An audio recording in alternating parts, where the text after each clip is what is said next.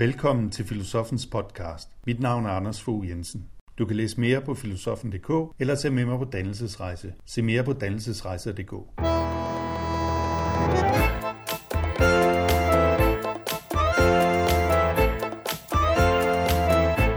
Denne sæson handler om filosofisk antropologi, om mennesket og dets vilkår i verden. Dette afsnit handler om ting, om hvad en ting er, og om tingenes orden. Jeg taler med antropolog Inger Sjørslev og forfatter Knud Romer. Samtalen er fra Radio 24-7's program Romeriet den 14. december 2013. Rigtig god fornøjelse. Velkommen til Romeriet med Knud Romer. Vi er omgivet af dem. Øh, vi sidder på dem. Øh, vi står på dem. Vi ligger på dem. Vi spiser dem. Øh, vi har dem på. Øh, vi slår os på dem. Øh, og vi ender faktisk også selv med at være det. For, for ikke at sige, at vi måske allerede er det i levende liv. Og det er altså ikke nogen rar tanke. Øh, I dag der skal vi tale om det, der er mest af i universet. Vi skal tale om ting. Jeg finder ting, ting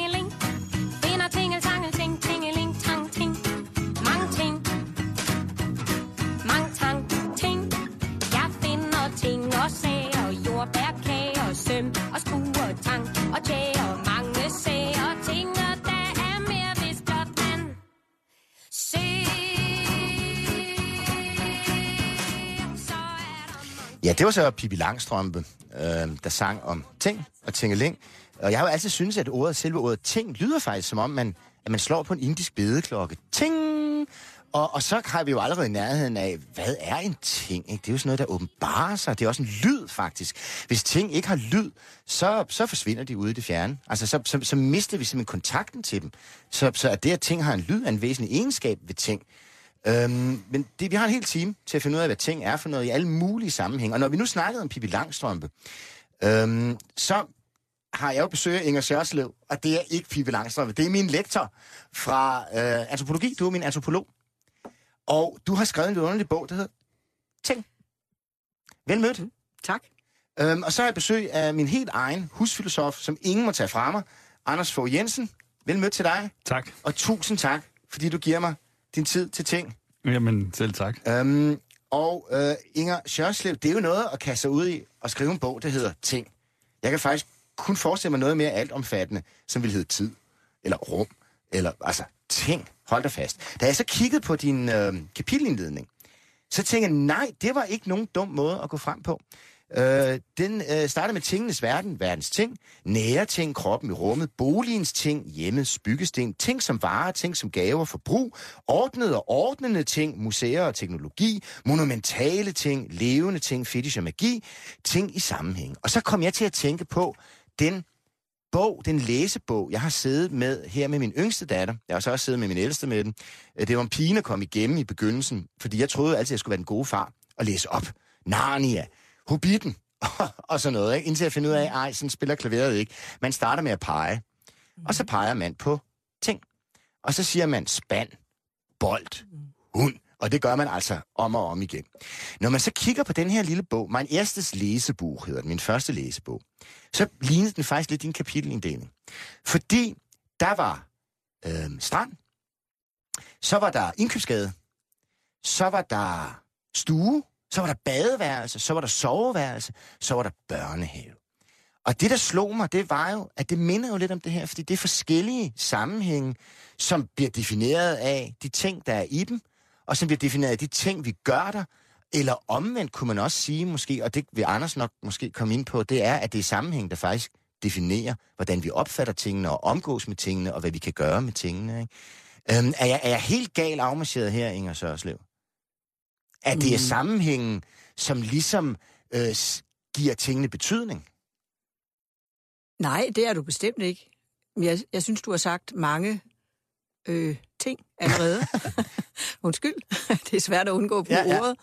Også som fyldeord, ikke? Ja. Og metaforisk og ja. sådan. Men øh, jeg synes, du har været inde på flere af de sider af tingenes væsen og liv, som, øh, som er i den her bog, og som er grunden til, at jeg har kastet mig ud i det. Fordi der skal jo et vist, øh, jeg ved ikke, om man ikke er overmod, det synes jeg ikke, jeg lider af, men der skal et vist så almindelig mod, eller bare frækhed til at gå til angreb på sådan et stort emne. Og jeg vil lige skynde mig, at jeg skal nok komme tilbage til dit spørgsmål, men grunden til, at jeg har gjort det, er, at øh, der er en særlig... Øh, den her bog er udkommet i en serie, der øh, formidler forskning, nyere forskning. Fra Aarhus Fra Universitetsforlag. Aarhus Universitetsforlag. Hermed og- anbefalet. Ja, og den hedder Univers-serien. Mm-hmm. Så den kunne jo ikke hedde Tingenes Univers, ellers skulle den nok have heddet det. Mm-hmm. Nu hedder den nu noget andet. Men, øh, men det er meningen øh, med bogserien, at man skal formidle nyere forskning.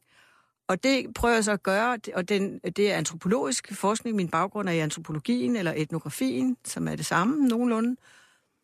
Øh, og der er der en måde at tænke om tingene på, som er lidt ny, eller i hvert fald er den blevet i tale sat på nogle nye måder. Øh, og den har måske ikke så meget at gøre, den har måske mere at gøre med det første, du var inde på, det med at pege og dine døtres øh, børnebøger der, øh, at, øh, at man jo, man ikke bare ordner verden, det er det med sammenhænge, som også er vigtigt, men man, man skaber nærmest sin verden ved at pege noget ud. Ikke? Man, altså eksternaliserer, man yderliggør noget, nogle kræfter i sig selv, nogle ønsker, nogle behov, nogle diffuse indre sådan forståelser, som kommer ud i ting. Og på den måde lærer børn også verden at kende gennem ting ved at udpege objekter. Det er jo overgangsobjekter, det du taler om der. Det kan- jo, ikke? det kan du godt sige, og, det er. Og Ja, ja. legetøj og sådan noget, ikke? hvor man sådan kan... Alle de her diffuse følelser, man har, og, og drifter og sådan noget, og kroppen, den kan man så ligesom lægge ud i, i tingene omkring sig, og så kan man symbolsk beherske sig selv ved at beherske tingene omkring sig. Ikke? Lige præcis, Ja. ja. lige præcis. Ja. Ja. Og så kommer der så også, så kommer jo det oveni. Ja, så sagde du jo også noget om ordene, forholdet mellem ord og ting.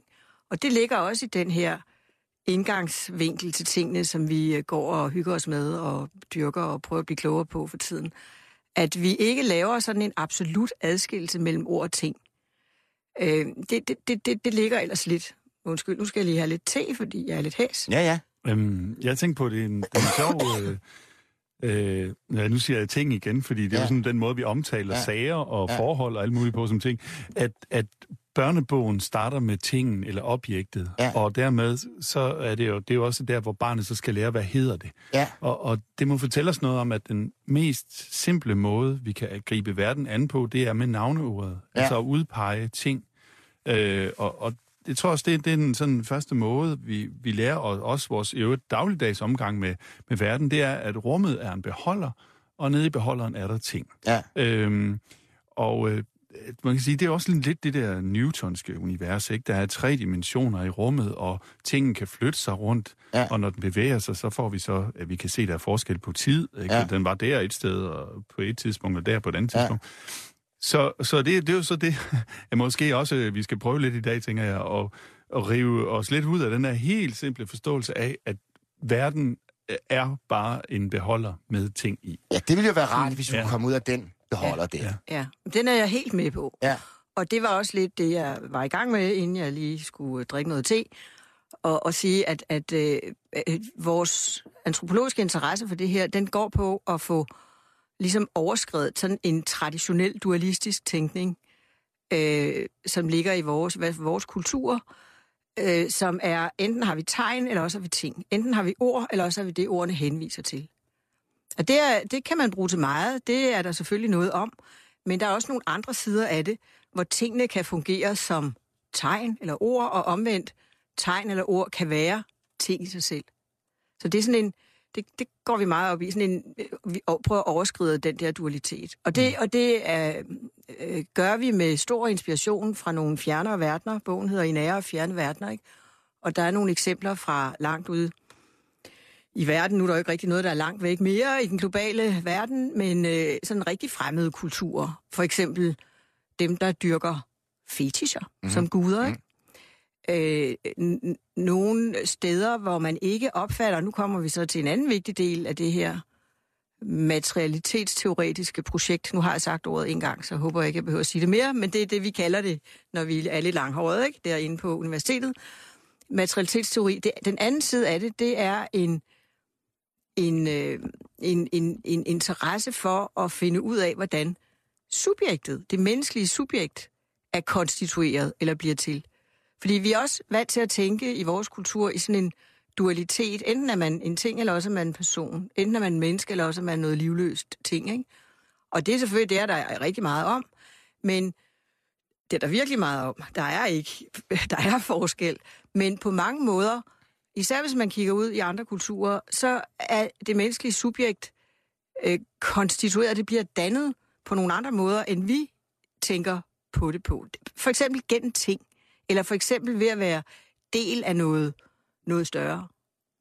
Øh, Jo, altså, det er jo to ting, ikke? så Altså, det, er også, det er også, hvis de er, hvis de er hovedjæger, ikke, for eksempel. Ikke? Det er jo pragtfuldt, ikke? At lige at kunne have hovedet af sin fjende, skrumpe det ind, og så hænge det i bæltet, og så har man ligesom taget hans kraft. Jo, jo, ikke? der er du, det, Ja. det er jo en klar, et klart eksempel på det, at du kan ikke sige, hvor den ene person holder op, og den anden begynder, sådan helt præcist, eller hvor personen holder op, og tingen begynder. Mm.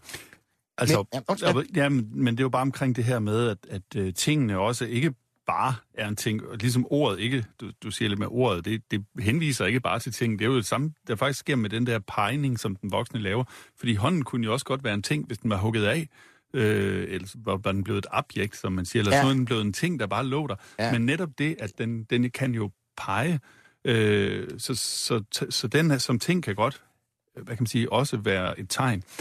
Og i, i forhold til, til det, du siger med, øhm, at, at vi ligesom også bliver til som, som ting, så kan man jo godt, man kan blive den der tingstanke, hvor man sådan tænker, om fodboldbanen, ikke, det er noget græs, og så er der to mål, og så er der en bold. Det er tingene, og så er der dem, der spiller. Men i virkeligheden, hvis man ser på, hvordan er det øh, at spille fodbold, ja, så er det jo om så er det jo ligesom ikke spilleren, der er først, men selve spillet med bolden, der ligesom skaber en, en sammenhæng, hvor, hvor spillerne så bliver til. Ellers så vil de jo bare øh, kroppe. Eller man Ja, og sige. den der, den præcis. der bane, som, som bliver banet op. Det sjove er, med, når du siger hånden, der også kan være en ting. Mhm. Det skal ikke, det er jo den måde, autister behandler. Det er jo den måde, man definerer en afvielse på. Det er jo netop, at de begynder at, at benytte sig af en lægemstil, af en, af en hånd, som en, en ting, som en genstand. De forholder sig ikke besjælende til den, de forholder sig ikke øh, empatisk til den, de forholder sig til den som en ting blandt ting. Og en af sandhederne ved mennesket, den frygteligste sandhed måske, det er, at vi er en ting. Altså, vi er jo vant til at opfatte os som en bevidsthed ikke, om tingene. Men at vi rent faktisk er en ting blandt ting. Og det er vi i hvert fald, når vi dør. Det sker ikke altså med min mor, for eksempel. Hun var jo min mor, men hun var jo faktisk kun min mor som ting. Hvad er hun for en ting? Ja, det er min mor. Men det er hun kun for mig. For andre mennesker, der er hun en anden ting. Der er hun en person, ikke? En, en, en, en kvinde. Ikke? Og, og for lægen, ja, der er hun sådan set bare et klinisk øh, øh, øh kød blandt kød, et, et, et materiale, øh, som, som kan bearbejdes på, på operationsbordet. Ikke? Så det sjove er jo, at tingens karakter er jo fuldstændig afhængig af sammenhængen, den indgår i, måden vi forholder os til den på, øh, og vores, vores oplevelse og, og forståelse af den. Ikke? Altså, den, den er der ikke bare. Altså, jeg synes, du berører noget meget vigtigt der, nemlig også vores frygt for at blive til en ting, Ja. altså som mennesker. At, at vi som menneske, ja, det man kalder reifikation, eller Ja. tings, tingsliggørelse, ikke? Det har været et stort tema inden for både marxismen og eksistentialismen og sådan. Jamen, det har jo været man- bandeord i årtier. Ja, at man Nu skulle... tingsliggør du mig. Ja, ja, præcis, ikke, som vi jo også har snakket, eller tænker jo, det har været en debat i hvert fald inden Ja. for øh, seksualitet og sådan noget, ja. ikke? Du må ikke bare fokusere på mig som en, et objekt eller en ting. bare de ikke? gjorde ja, det kan man jo drømme om. Men altså, og, og på samme måde, vi må ikke behandle det andet menneske bare som en ting. Så, Nej. så det har, altså, der har man haft travlt med at, at skælne, at mennesket er, det, det er noget andet. Ikke? Vi har selvfølgelig en arv fra kristendommen, der siger, at vi er ikke bare et læme, vi er også en sjæl, men også det, at vi er noget, der reflekterer og bevæger os og sådan noget, som, som ikke bare en ting. Men det sjove er, at nogle gange kan kroppen jo faktisk blive til ting, som den afhuggede hånd eller, eller livet. Jo, også. det er sikkert derfor, vi er så bange for invalider, fordi der, der ser man jo, at vi kan blive genstand for lem, lemlæstelse som Mhm. en ting, ikke? og kan slås i stykker. Ikke? Men det er jo fuldstændig rigtigt, og det er, som, øh, som du siger, Anders, med tingsliggørelse, og, og, og også, hvad, at, at noget af os kan være ting i bestemte sammenhænge, og vores kroppe er ting, i hvert fald når vi dør, ikke? Og, Ja, hvis du til tandlægen, når de borer rundt i dig, Jo, de, jo, de, de der og tænder. dog, apparater og så videre. Nu, Ja. og i ovenikøbet har vi jo i vores tid også ting i kroppen, ikke? Ja. Altså, vi bliver jo cyborgs, nogle af os, Ja, øh, med øh, pacemaker eller kunstige knæ, eller hvad vi nu render rundt med, ikke? briller. Og brille, bare briller, ikke? Ja, ja, dem kunne vi, vil vi da nødig undvære. Så der er mange aspekter i det, men, men den der tingsliggørelse har bekymret mig lidt, da jeg skulle skrive det her, fordi jeg var meget optaget af at, at få formidlet det her med at prøve at se det menneskelige subjekt på en anden måde, end det, der ligger grundfæstet i vores kultur. Og så var jeg nødt til at sige, at subjektet kan ses som ting, eller bliver set som en ting i nogen sammenhæng.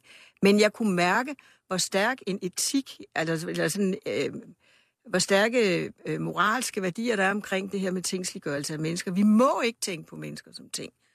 Det, er, så det fører ud i sådan noget, vi ikke øh, bryder os om, altså slaveri, eller prostitution, eller, eller andre øh, uetiske Eller øh, handel med måder, organer. eller handel med organer, ja. ja. Ja, ja. Så det skal jo ikke forstås på den måde. Mm. Og det er også, øh, jeg har forskrækket mig lidt første gang, jeg hørte ordet inde øh, på mit fag, at nogen kaldte dette her materialitetsorientering for en posthumanistisk tilgang. Uh, det til lyder sagerne. for kusk nærmest. Ikke? Det er også lidt for kusk. Det er det, men det er det jo ikke. Det gør ikke så meget. Ja, det er det er mere uhyggeligt. ordet, ikke? Ja, At man ja, tænker, ja. ej, gisp, hjælp, Ja. posthumanistisk. Vi Ja. er da humanister. Ja, gud er vi så. Det er ikke noget med det at gøre. Men i det posthumanistiske ligger der, at vi prøver at se nøgtern på, hvordan mennesker bliver til som sociale væsener ved, ved hjælp af ting, ikke? Gennem ting. Hvordan, hvordan vi øh, skaber os med, jamen det kan jo være så banalt som noget med vores tøj, med vores øh, nips i hjemmet, med vores møbler, med vores omgivelser. Og det fører også over i en, en bredere øh, øh, kritisk forståelse af, hvad et menneskeligt subjekt er. Ikke? Der er en, en af mine antropologkolleger fra England, og hun har hentet det fra nogle andre, men skidt med det, som taler om øh, et begreb, øh, dividual, altså nu er det på engelsk, ikke? Et, et divid ville det være på dansk, hvor man tager ind væk fra Ja, ja, ja, individet, ja, ikke? ja. Så du får ikke et individ som sådan en afgrænset, selvstændig, autonom størrelse, men et divid, som øh, skal forstås, øh, som selvfølgelig stadigvæk er en krop og også en bevidsthed osv., men som samfundsmæssigt, kulturelt forstås som øh, relateret til nogen andre eller noget andet.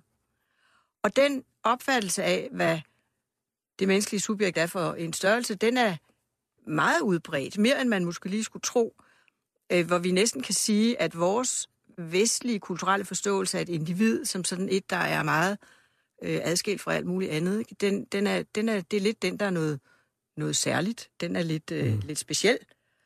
Og i øvrigt passer den jo heller ikke til vores praksis, som I giver nogle meget fine eksempler på. Jeg synes, fodboldspillet var et godt eksempel på, hvordan de individer, 11 eller 22, der render rundt der med en bold, de er noget, når det, når det går godt, når det er en god kamp, når der er flow i det, så er de nærmest en fælles krop, ikke? Altså sådan mm. kan man se det øh, med bolden, uden den ting, som bolden er, og uden hinanden, så ville der ikke være nogen kamp. Og det en forståelse af dem som 22 separate, autonome individer, hvad de selvfølgelig også er i en eller anden sammenhæng, men en forståelse af spillet ud fra den individopfattelse vil ikke bringe os så langt som den anden, hvor vi siger, hvad, hvordan, hvordan er man, når man er i en sammenhæng? Ja, det sjove er, at de går også ud af den sammenhæng, ikke? og så står de i brusebadet. Så er det straks nogle helt andre nogen. Så tror jeg, det er blevet nogle rigtig kærlige mænd, der... Ej, så fortæller de om deres scoringer uden for banen, ikke? Og så kommer de hjem til konen, så er de et nyt, haft øh, så er de et nyt individ. øh, desværre øh, fornøjelsen af. Nej, tanken var, det, men det, jeg det, tror på det, hvis du siger det. det her dividium, ikke? altså dividium, det er jo bare, at vi op, eller ikke bare, men det er jo også, at vi opfylder ekstremt mange forskellige roller. Vi har ekstremt mange prøveidentiteter i løbet af en dag. Ikke? Vi, er, vi er elskeren, vi er ægtemanden, vi er faren, vi er kollegaen, vi er kammeraten, vi er manden på tilbudsjagt, og vi er, vi er mange forskellige ting på en gang. Ikke? Så det er sådan en masse prøveidentiteter i virkeligheden, vi, vi render rundt. Men det, det, og, med tingsliggørelsen, mm. der var det andet bøgeord, det var jo varegørelse. Ikke? Jo, jo. Åh, Jo. du Det er varegør, ikke? og det er jo, Jo, også jo. en, en tingsliggørelse af den menneskelige ydeevne som arbejdskraft, der Det er så nemlig kan det, jeg sælges. tænkte. Og... Det er jo, Ja, ja. at vi er jo ting. Vi bliver behandlet som ting, og, og også bytterelationer er jo relationer mellem mm. ting. Ikke? Her får du nogle ting af mig, og der får du nogle ting af dig. Så hvor, hvor, hvor menneskelige relationer jo er ekstremt varegjorte og ja. Tingsliggjorte er blevet til de her bytterelationer. Det jeg gerne ville hen til, det var, øhm, når vi nu ligesom, det her med, altså det er jo sjovt, at i en kirke, der har de en status og en værdi. Ikke? De er kultiske, de er religiøse, de bliver behandlet med en symbols betydning, ikke? og hvor man omgås dem på en speciel måde, og har en speciel opfattelse af tingens karakter. Ikke? Lige når man går ud af kirken, ikke? Så, så er der en anden. Og, og, og sådan, altså, at det er sammenhængen, som ligesom bestemmer tingens betydning, karakter og dens tingslighed på mange måder. Ikke? Øhm, og der tænker jeg, at det sjove er jo så netop, når ting, de skal høre til. Man siger også, det hører sig ikke til. Mm. Altså det er jo også med børn, at man hele tiden skal opdrage dem til, nej, nej, nej, nej, man skider på toilettet. Ikke på køkkengulvet, please! Ikke også, ikke? Nej, man putter ikke teskeen i numsen. Det hører sig ikke til. Nej, din dukke skal ikke ligge øh, i, i, i den skuffe der. Ikke? Altså, at de bliver ved med at rode, at det bliver rod og kaos, og det bliver til skrald. Ja. Ikke? Børn forvandler alle de gaver, de får, de forvandler de i løbet af meget kort tid til skrald og til grus, fordi det er pillet fra hinanden, og det ligger de forkerte steder, og det dur ikke mere.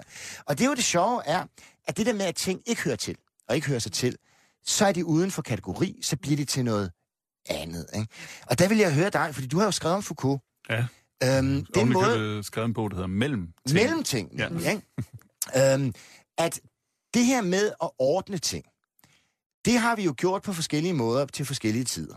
Mm. I, altså den måde, vi gør det på nu, som dynamisk og udvikling og sådan noget. Der før i tiden var det meget mere statisk, var det ikke det? Mm. Jo, altså, man, man kan groft sagt sige, altså, når du peger på orden, så er det jo rigtigt, når bogen hedder mellem ting, så er det fordi, det er det, der er mellem tingene. Det er den orden, vi ordner dem efter. Og det har, Ja. ja. det har så varieret historisk, ikke? Og man kan sige, øh, frem til øh, renaissancen, der har man haft en forestilling om, at verden egentlig grundlæggende var i orden.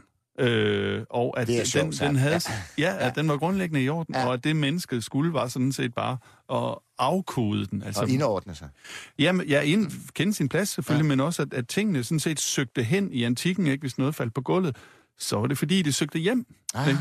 Så verden havde en eller anden form for orden, og den orden kunne læses. Det kalder man den er legenda, altså den, at den kan læses.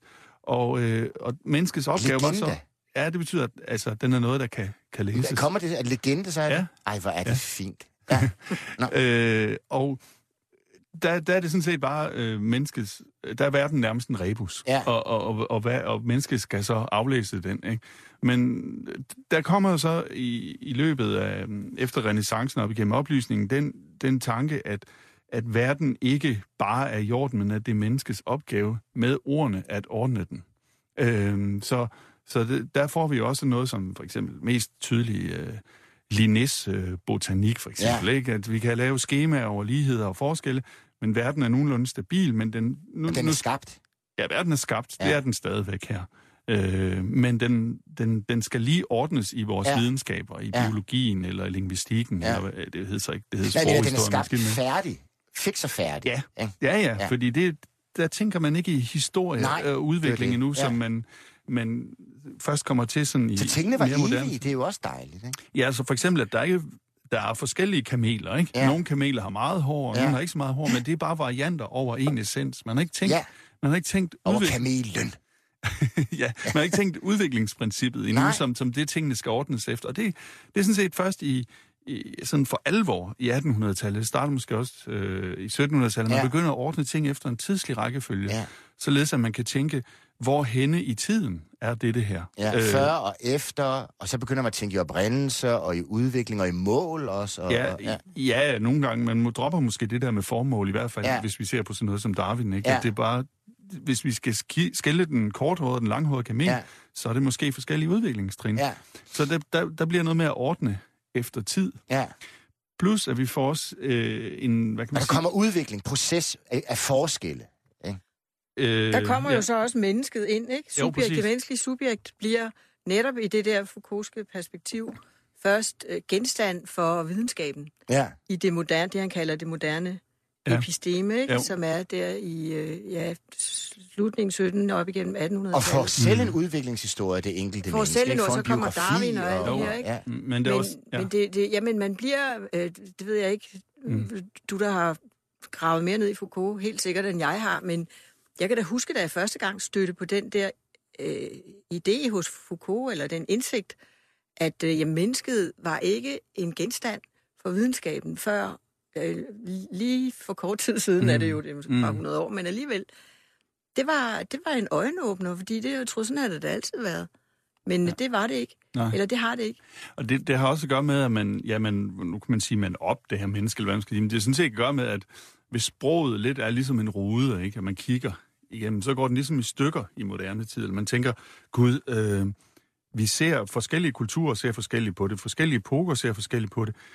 Så hvis vi skal beskrive noget, så er vi nødt til først at beskrive os selv, eller gennemtænke os selv. Altså for eksempel, Øh, marxismen påpeger, at hvis du beskriver noget, så skal du først gennemtænke, hvad for en social stand eller et samfund, du kommer fra, eller øh, Forudsætninger hele tiden, senere ja. psykoanalysen vil Ja. sige, hvis du skal beskrive noget, så skal du først sige, jeg taler for denne position med denne barndom og så Ja, videre. vi taler ikke forudsætningsløst mere, og, vi, og måden at komme til forståelse på er at forstå vores præmisser.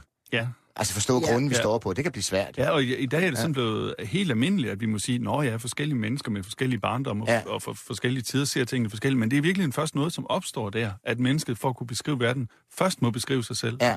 som det, der så ser verden. Ja.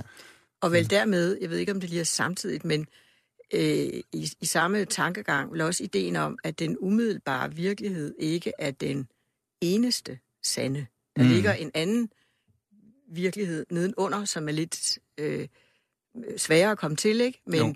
altså for eksempel Marx, som, mm. som jo er relevant i, i den her sammenhæng af, af flere grunde, blandt andet det med varer, fetisismen, og som du var inde på også, at menneskelig varer øh, menneskelig arbejdskraft bliver gjort til en vare, som så bliver fetiseret af de samme mennesker, som egentlig selv har frembragt varen.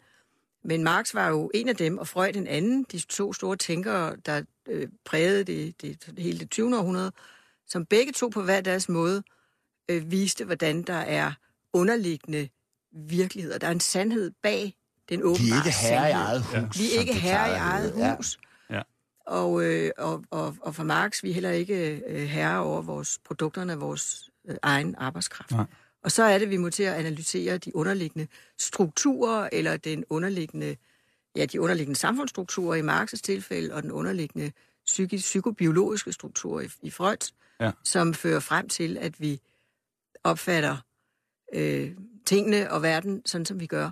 Ja. Og så deri ligger jo så også en idé om, at den opfattelse, vi har, ikke er den, den sande nødvendigvis. Altså, at vi er, vi, vi er Mm. galt på den, ikke? Altså, vi, vi tager fejl.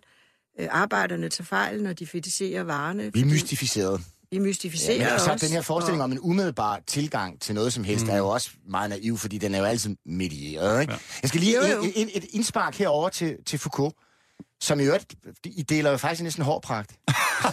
hvad hedder det? Det er dog, altså ikke dog ikke seksualitet. Altså. Men øh, hvad hedder det? øh, Nej, og det er, at jeg, jeg, jeg, jeg, jeg har vandret rundt i museer, fordi jeg ikke har afleveret mine børn på vuggestuen. Ikke? Så jeg har jo gået rundt i fire år, og jeg har jo virkelig fået set nogle museer og fået drukket noget kaffe rundt omkring. Og, og, og snakket ørerne af kustoder. Ikke? Og øh, Geologisk Museum, fantastisk spændende, fyldt med sten. Ikke? Hold da fest. Ikke? Men hvis man går derhen, der kan man faktisk se forskellen på de to universer og måder at forholde sig og opfatte ting på. Fordi at på den ene side, så er der universets udvikling fra Big Bang og fremad. The greatest story ever told. Ikke? Hold da kæft en udviklingshistorie. Fra intet til alt og mere til. Ikke?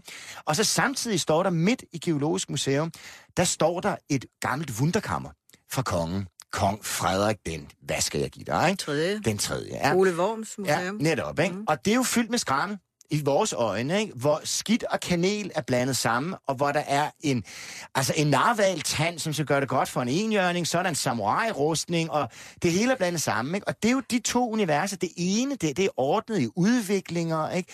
Øhm, mens det andet er, or, er, er sådan en, nu er så kuriositetskabinettet, altså det, der falder uden for ordnen. Ikke? Men stadigvæk, der er den der skrammel, statiske skrammelbutik, hvor man, som er til, til beundring og til gådefuldhed og mystificering, og så er der den der opklarede, fornuftige øh, øh, udvikling. Ikke? Mm. Ja. Er, er, er der to forskellige museer? Der, det, er, det er to forskellige epoker, to forskellige tider, der er repræsenteret. Ikke? Og det er meget interessant, at netop helt konkret, at det der øh, kuriositetskabinet, Wunderkammer, Ole Worms Museum, da det blev opløst, der var der nogle ting, som faldt mellem kategorierne. Der var noget, du kunne finde ud, man kunne finde ud af at placere, det skulle til Naturhistorisk Museum, fordi man begyndte at ordne museerne i, øh, ja, det, i begyndelsen af 1800-tallet, var det i hvert fald i fuld gang. Det begyndte vel i slutningen af 1700-tallet at ordne øh, museer i sådan nogle kategorier, som vi kender i dag. Så var der et naturhistorisk museum, og så var der et etnografisk, og så var der et nationalmuseum, og så videre et geologisk. Og visse ting fra øh, kuriositetskabinettet passede ind i de klasser, kategorier. Men der var også nogen, der ikke gjorde. Så der forsvandt det faktisk. Hybrider, der gik det hybriderne, ikke? Ja. Og de, de blevet væk. Ja. Altså, der, er- der er forskere, der har forsøgt at efterforske det, og de, der er altså nogen, som de blev måske til skrald, fordi de ikke passede ind i Ja. ja. nogen i tidens gældende orden. Og det sjove ved det skrald er jo, at hvis vi nu fandt det i dag, så ville det måske være en værdifuld antikvitet. Ja. Helt. Mm. Og det er jo det sjove, den der tingenes øh, livscyklus, er jo tit, at, at, at først så har du sådan nogle westernbilleder, for eksempel, ikke? Og de bliver populære, og de bliver masseproduceret, og så hænger de alle hjem. Og børnene, som er vokset op med de her westernbilleder, de er jo ved at brække sig over det her kitsch. Ikke? Folk for dagen, det kan de ikke identificere sig med. Så det bliver smidt ud, det hele. Men så bliver det til gengæld smidt så meget ud, at det til sidst kun er to-tre eksemplarer tilbage, som pludselig bliver til unikager. Og, så, og det er som om, at tingene nærmest skal gennemgå sådan en, en, en cyklus fra at være produkt til at blive skrald, til at blive øh, unika og antikvitet mm. og kunst måske nærmest. Altså, det vi taler, noget af det, vi Ja. ja. taler om her, det er jo også, hvis man siger til, kommer ind i et hus og siger til et menneske, ryd op. Ja. Ikke? Ryd op. Hvordan vil det så rydde op? Feng shui. Ja, altså vil, vil du, øh, hvordan vil det ordne tingene, ikke? Ja. Og, og, og man kan jo sige, at det du taler om, det er måske også lidt øh, med det der kammer med et noget, en metonymisk måde at rydde op på. Det vil sige, det der ligger, ved, det, der ligger på en måde ved siden af hinanden. Ja. Det vil sige, det hvide over i et hjørne, eller Ja. tænder over i et andet hjørne, eller horn i et tredje hjørne. Ja. Men hvor, hvor den orden, vi så får i det moderne, bliver netop en tidslig orden. Ikke? Så ja. vi får et museum, hvor vi tænker, nu skal tingene stå i tidslig orden. Nu skal det ikke være alt af træ, der er sammen, og alt af sten, der er sammen, men nu skal det være ordnet efter tid. Ja. Og det, som Inger siger her med noget, synes jeg er meget interessant begreb også, for hvor kan vi se henne, efter hvilke principper vi rydder op? Ja. Det kan vi se, når der er noget, der falder imellem kategorierne. Ja. Ikke? Og det er det, der skræmmer os, fordi der kan vi se, gud, der er noget her.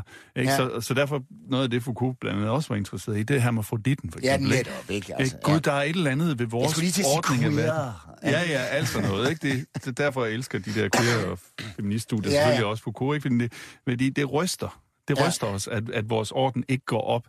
Og det er sådan set, altså, hvis man skulle bevare en åbenhed over for verden, så ville det være at insistere på, at den orden, vi har, aldrig helt kan sortere verden. Nej, men, og hvis Ja. den gjorde, så ville vi jo også være færdige. Altså, når vi er færdige med at rydde op, så, så, så det var det. Så er vi døde, der kan lægge os hen. Altså, Der er Altså, man må jo sige, det er godt, der findes noget øh, i privatlivet, der hedder lofter og kældre, ikke? jo. Og øh, i museumsverdenen øh, magasiner og sådan. Og Ja. ja. man er meget længe om at få smidt noget ud, i hvert fald i vores dag. Man må ja. næsten ikke. For der, tingene har jo et socialt liv, ikke? Og de kan ryge på loftet, og så kan de komme frem igen. Ja. Det Eller- sjove ved Pippi Langstrøm, hende som vi jo hørte synge her til at starte med, ikke? Altså, hun er jo en, et, en Foucaults drøm. Altså, og en queer drøm, ikke? Fordi, at, hvad er hun for en? Hun laver ballade, hun er ikke dreng, hun er ikke pige, hun, hun øh, går ikke i skole, og hun sidder omvendt på hesten, og hun sover omvendt i sengen, og, og hele hendes hjem er et råd, ikke? Et kæmpe råd, ikke? Altså, at, at hun er jo nærmest den her det her element, der bringer enhver orden, øh, forstyrrer den og, og mm. ødelægger den. Men hun forvandler jo på mange måder også enten ting til skrald, men også til, til, til, til eventyr. Altså til gåder, til de, de får, ligesom, man, Mm. man ser for første gang igen den her ting i et andet lys og sådan noget. I virkeligheden tror jeg, det er lidt en, også en halvromantisk drøm, ikke? At, at vi, får, vi bliver... Vi, frygten for at kede os, eller frygten for at... Verden, altså den fascistiske drøm om, at hele verden er ordnet og Ja, kontrolleret. det er nemlig en fascistisk drøm. så, ja. så forelsker vi os i den, der kan sætte tingene sammen på, Ja. ja. på nye måder og skabe noget helt andet. Ja, sådan lidt. Ja. I lyttede til, eller I lytter til Anders Fogh Jensen, min filosof. Min filosof. I må ikke tage ham, og han har ikke tid til jer derude. Det er min. Øh, det? øh, og øh, han er Ph.D., og, og er en af de få filosofer, der, der siger noget fornuftigt. Og så har jeg besøg af Inger Sjørslev, som er min antropolog. Kun min. Nej, ja, okay, nej, nej. kun i ja. dag. Ja, okay, hun er også lektor, hun er også lektor inde på Institut for Antropologi, hvor, hvor hun også... Øh, ja, jo, okay. Ja, Ja, ja. ja, ja og du har skrevet en bog, der meget hedder at- Ting i nære ja. Og fjerne verdener. Og vi er jo godt i gang med, med nogle af tingene. Øhm, øhm, men, men altså, altså, det her med, med, med, med, med, med orden, altså, at, at, ved du hvad, jeg, jeg, altså, jeg, jeg bliver nødt til lige at gentage det, Anders. Ikke? Altså, det her med verden som en rebus, ikke? Mm. Fordi det sjove ved rebusser, det er jo, at det er jo sprog som ting. Ikke? Det er jo sådan en mm. vinge plus øh, en kuglepind plus et fly. Ja. Ikke? Det, er, det er, man, man, man taler med ting. Mm. Og, og jo også, at, at øh, ja, så kan man tænke, okay, der er en forfatter, ligesom i moderne øh, tid, når vi læser en roman, eller efter romantikken, så vil vi sige, hvad siger det om forfatteren? Ikke? Ja. Så man prøver at aflæse i tingene, hvad må det sige om denne verdens forfatter? Altså Ja. ja. Gud, at egetræet ser sådan ud, Ja. eller at øh, jordskælvet er på den måde, eller hvad det nu er. Ikke? Så vi prøver at aflæse i tingene noget, der ligger bagved. Men det, ja, netop, ikke? Mm. Og det er jo, det, det, det, der er det så interessant, at tingene kan både være tegn og ting i sig selv. Og der får jeg altså lyst til at fortælle en lille kort historie om fetisen, Hit med den. som er i bogen. Øh, for fetisen er et rigtig interessant begreb. Og når man taler om det i dag, i vore dage, så tænker man måske, det ved jeg ikke, men nogen tænker måske på fetisklubber og fetisering i seksuel forstand, ikke? Ja. Ja. Lak, rød lak og, eller hvad hedder det, høje støvler og pisk og så videre. Men fetisen har en lang idehistorie, som er rigtig interessant, og som ender med det der spørgsmål om øh, forholdet mellem tingen og tegnet. Fordi fetisen er både en ting og et tegn. Og da den blev til, da europæerne opdagede den, øh, det var allerede i slutningen af 1400-tallet, da man begyndte at handle med folk på den vestafrikanske kyst, portugisiske købmænd, og der kommer også nogle missionærer og sådan noget derned, så så de øh, øh, folk øh, dernede, som dyrkede ting som om, som guder. Eller det var sådan, de forklarede det. Tingene var guder. Og de blev rystet over det, lidt skandaliseret af det i hvert fald, øh, missionærerne, fordi disse ting, altså figurer, ikke? afgudsfigurer var det, kaldte de dem, fordi disse ting ikke stod for noget andet, nemlig noget transcendent end, end Gud et andet sted, men var guden i sig selv, Ja. som blev madet, som fik tøj på, som, øh, som blev tilbedt, som, altså tingen i sig selv. Ikke? Og det har så, det bliver sådan en lang historie, men givet anledning til meget selvreflektion fra europæisk side over det der forhold mellem tegn og ting. Øh, Freud og Marx, de brugte jo fetisbegrebet til at sige noget om falske ting, ikke? Mm. Om, om skæve forståelser af ting. Og der er man i, i, i den, øh, det, der interesserer os i dag, og som bogen er skrevet lidt ind i, der har man ligesom prøvet at transcendere det at komme videre end Marx og Freud og sige, jamen det er ikke, nu er vi ikke interesseret i erstatningsting, vi er interesseret i at se, hvad tingene gør som tegn, ikke? eller komme over den der differentiering mellem ting, der henviser til noget, og ting, der er noget. Så vi prøver at tænke mere rebusagtigt, kan man sige. Ikke? At Jo, det kan, og både det- ting kan være sprog, og sprog Og kan være det, det sjove er jo, at vi har jo dyrket relikvier i et væk. Altså, der er jo ikke en kirke Vi har med hele tiden haft selv. en praksis, der Ikke? modsagde den Ja, forståelse. som- der er jo vi ikke har kirke gjort det på mange med respekt måder. for sig selv, som ikke har en finger eller et, et, et, et lidt af, af Ej, Jesu kors, en splint af? Jesu kors. Altså, og, øh, Lutheranere og, må ikke. ja. Mm. Så hvis, hvis jeg nu skulle forstå det, fordi jeg, jeg har jo forstået fetish sådan for Freud og sådan noget, at at ridderen vil gerne have kvinden, og så har hun glemt en sko, og så bliver han optaget af den sko Ja, som ja. symbol på hende. Ja. Og fetish vil så være, når han lige pludselig... Selvom hun, selvom sko. hun, ja, eller når hun er tilbage, så vil han faktisk begære skoen mere end hende. Ja. Ja. Øhm, er det, Ja, er det jo, noget det, andet kan man, end det? det? det kan man sige. Eller man kan sige, lad os interessere os for, hvad begæret efter skoen er i sig selv. Og lige Mm. sætte lidt i parentes, at skoen repræsenterer kvinden. Det kan godt være, at den stadigvæk gør det. Mm. Men der er, der er masser af fetisering omkring os, hvor vores forhold til tingene øh, ligesom øh, ikke bare kan ses som erstatning for noget andet. Mm. Hvis man samler på et eller andet, er det så erstatning for noget andet? Eller, eller kan det forstås som noget i sig selv? Mm. Altså, hvad, hvad er det? Hvad er det for noget begær? Hvad er det Det- for en, en, øh, en øh, stræben efter at lave sin egen orden? Eller Altså, hvordan man nu vil det er klart, forklare det, der ligger siger, i det vil du med hjem og se min frimærkesamling? Så kan man jo godt ligesom li- øh, øh, øh, altså have en mistanke om, at den der frimærkesamling, den stod så også for det, som han gerne vil have. Jo, det er Øh, også blevet en rigtig populær kliché. Ja, den det er det jo ikke. altså men, lidt... men det, der er måske mere interessant, det er jo for det første, at samlemanien, samlemanien, det er jo et forsøg på at totalisere sig på at få kontrol også, ikke? Øh, og, og, og, og det sjove er, at det er jo først i og med samlingen af tingene for værdi. Altså, et frimærke her og et frimærke der, ikke noget som helst. Det er jo først med en orden, med et katalog, med, med en orden af de her ting, hvor man kan se, der er også meget få af Blaue Mauritius, ergo er det meget værd, men det er jo først med en orden og med samlingen, at tingene faktisk får betydning og værdi for deres plads i et hierarki.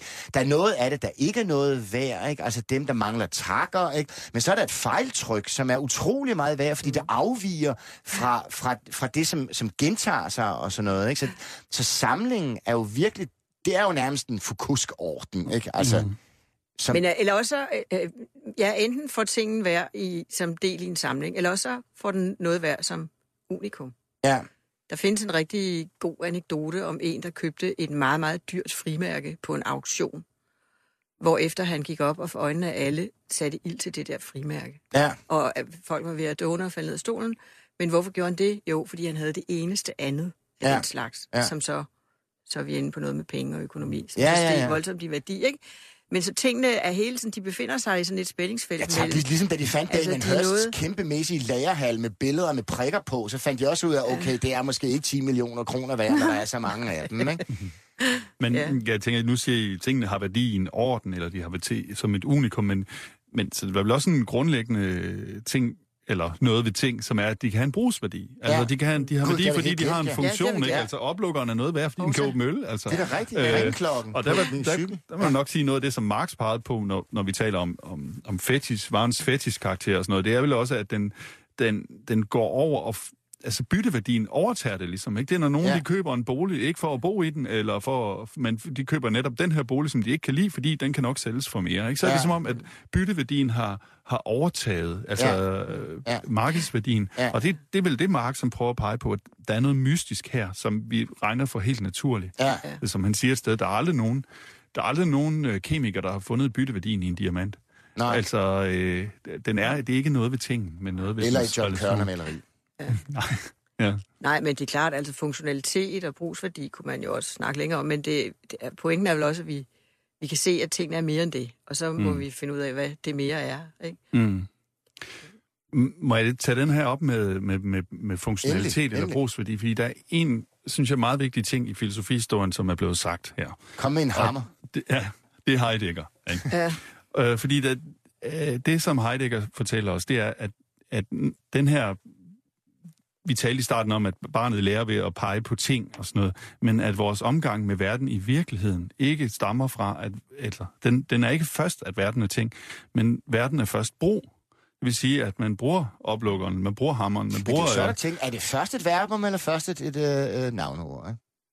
Ja, det er så i, i sproget. først og der et vil Heidegger, verbum så, ja, ikke? Jo, Det må det jo, præcis. det er det så er det først et verbum. Øh, det vil Det sige, er først, når den holder op med at virke, du er nødt til at holde den op og kigge på den, så bliver det en et... ja, så, Nej, jeg tror- så jeg Heidegger vi, vil sige, vi, vi, vi øh, tillader Anders at løfte sløret Nå, for... men øh, det er rigtigt, Det men står faktisk i bogen, Ja, så ja, det, er det det er det derfor, jeg blander mig lidt. bestemt. Og, øh, bestemt. Men det er så også det eneste, der står om Heidegger. Nej, nej, nej, en ting mere, som vi lige skal have med med Heidegger, men du må gerne... Nej, nej, kom du Fortsæt. faktisk.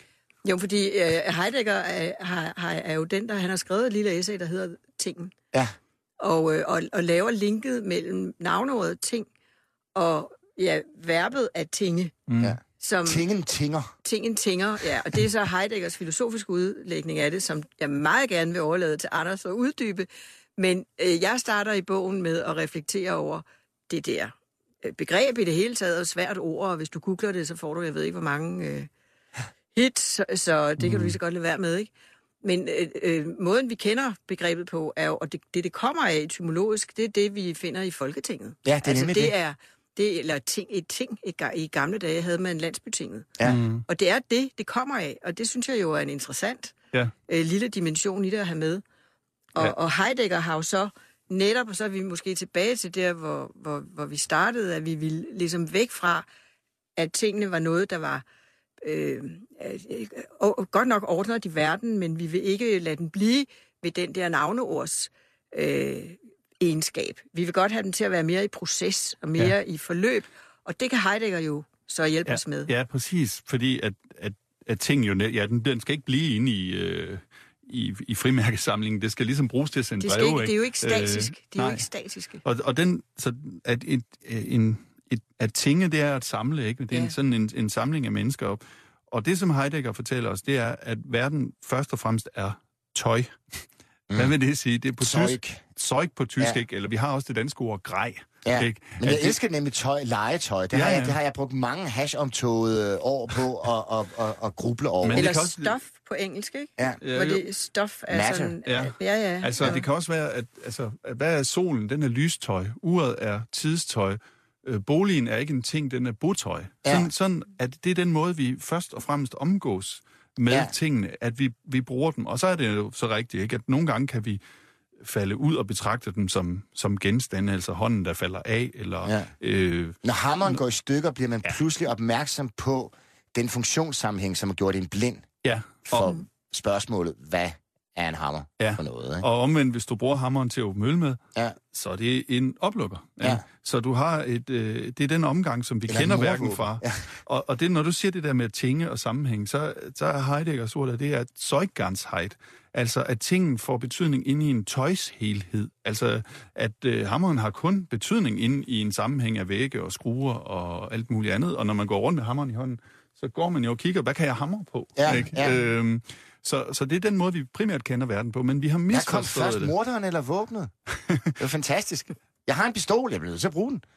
Ja, eller hvis det er en hammer, så blev den så et våben. Ja, det var det, ikke? Ja, ja, undskyld, men, ja. men, nå, men, men øh, vi har bare fået byttet de ting om i vores beskrivelse af, hvad er verden. Ja. Fordi som du siger, så kommer verbet egentlig først, eller mm.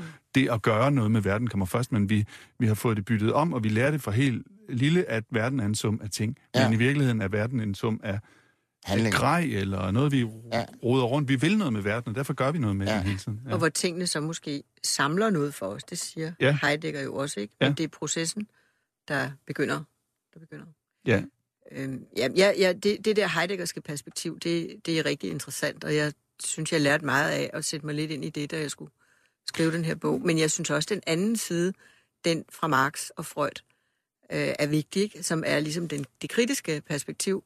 Selvom man her siger, jamen med fetisen, der kan vi se, at, at man kan ikke bare reducere forståelsen af det, ting er for mennesker, til en eller anden falsk bevidsthed, som det hedder hos Marx. Vi må mm. se, hvad det er i sig selv. Men den falske bevidsthed, selvom vi måske skal kalde det noget andet, den eksisterer også stadig. Mm. Altså, vi, har, vi, vi er også nødt til at blive klogere på, hvad tingene gør for os som forbrugsmennesker, for eksempel. Hvad vi jo er til op over begge ører her ja, i vores samfund. Ved Ikke? der ramte du Med lige sømmet på hovedet, fordi hvorfor perspektiv. sidder vi og snakker om ting, fordi vi er ved at blive kvalt af dem, og vi har jo ikke råd til dem heller. Nej, det, eller det har vi jo. Det har vi jo netop, ikke? Men, ja. men det er ligesom, at det der, den der, det der kritiske lys på Ja. forbruget og tingene, det er, det er forsvundet lidt. Og, og nu kunne jeg godt tænke mig, at man et år holdt jul, uden at snakke om, at julet, julen er en forbrugsfest. Fordi det har vi virkelig hørt mange gange. Mm. Det er den selvfølgelig, men den er også noget andet, og den er et godt eksempel på, at ting skaber eller øh, udtrykker og viser relationer mellem mennesker. Gaven, ikke? som er en meget, meget sådan urting i det at skabe relationer mellem mennesker. Men øh, så det er fint, og jul er fint, og det er fint at købe noget i gave til sin nærmeste, men, øh, men et eller andet andet sted, så kan man jo nok sige, at vi lever i en del af verden, hvor vi godt kunne have brug for et kritisk, og det har man så også, for nu snakker man klima og genbrug og recycling osv.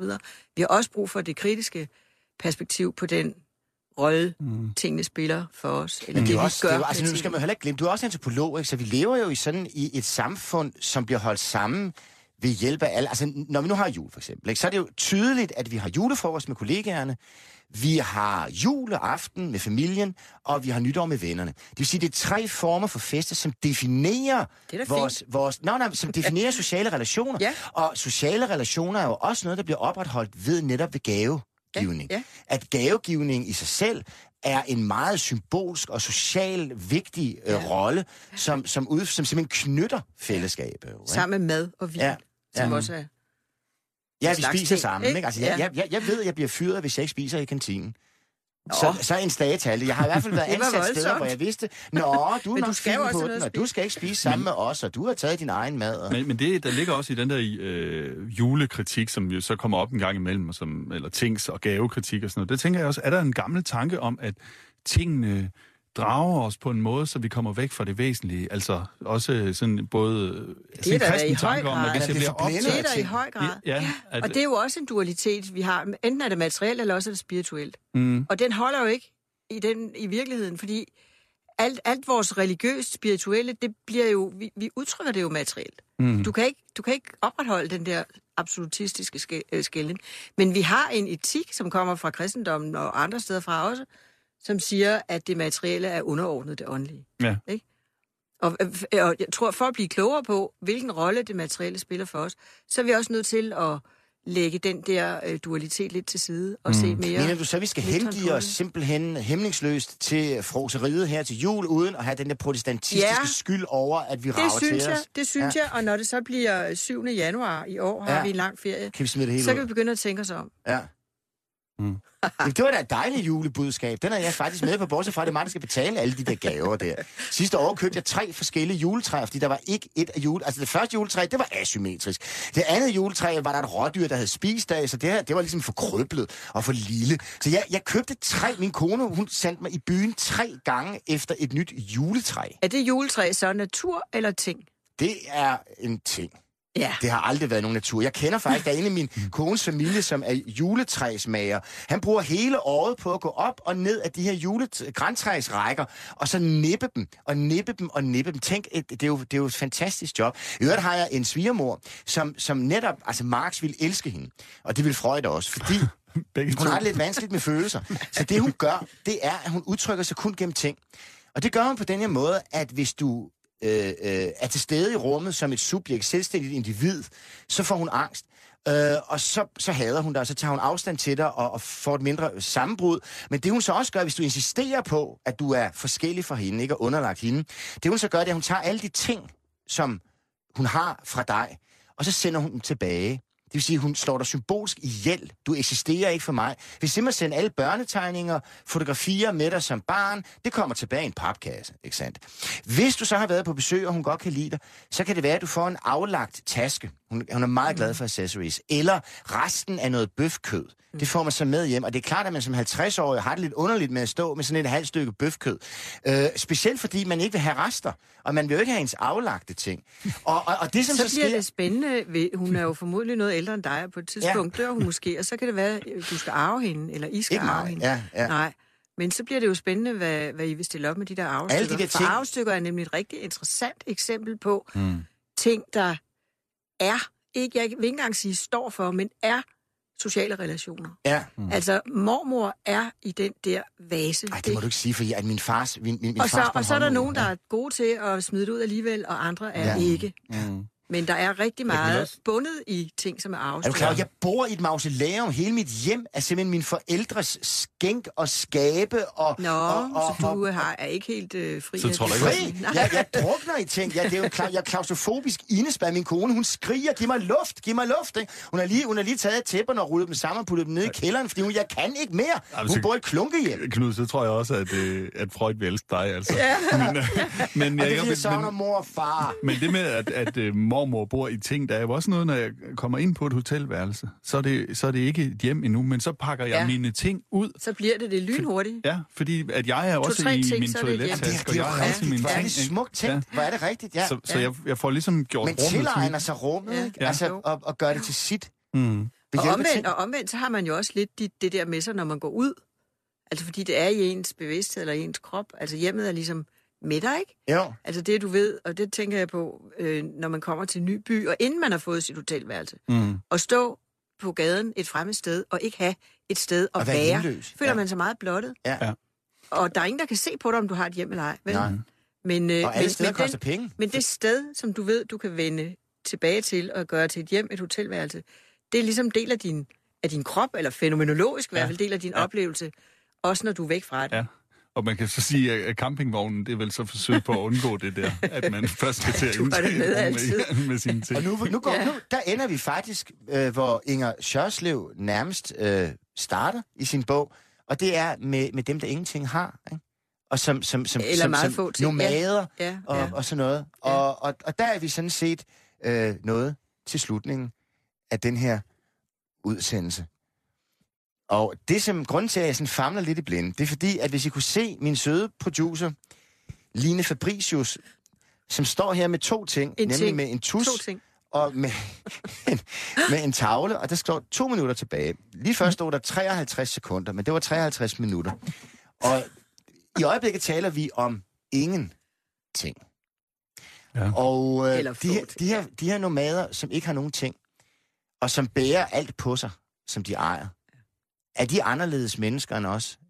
Nej, ja, det var, det var et stort... Sådan, Øh, Jeg nej. tror, de bærer i hvert fald en drøm, eller de, øh, de, de er en drøm om en frihed, at ting, hvis tingene binder os, så kan vi have en forestilling om, at vi kan være frie til bevægelighed, hvis ikke vi har ting. Så på den måde tror jeg sådan, at, at de godt kan være et, et billede for os. Men, på, men pointen med de nomader, jeg er skriver om, som er nogen, der hedder Wudabi i Vestafrika, Ja. er også, at man med, med, med meget få ting kan lave, et, lave sig en lille mini-univers, en verden, fordi de har, Ja. de har jo dyr, og så når de kommer til et nyt sted, så tager de rebet, de bruger til at binde, binde de dyr med kalverebet og lægger, og så har de lavet en struktur, et univers, så bor mændene på den ene side og kvinderne på den anden side. Mm-hmm. Og der er en hel orden der, som kan laves ved hjælp af en meget, meget enkel lille ting, som et reb.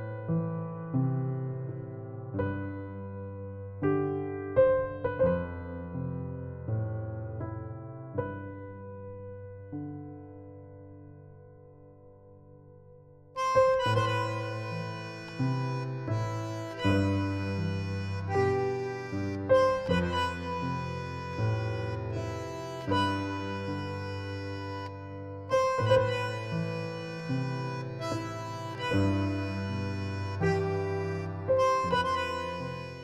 har lyttet til Filosofens podcast.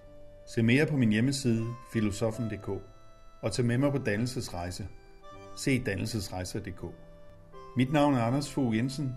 Tak fordi du lyttede med.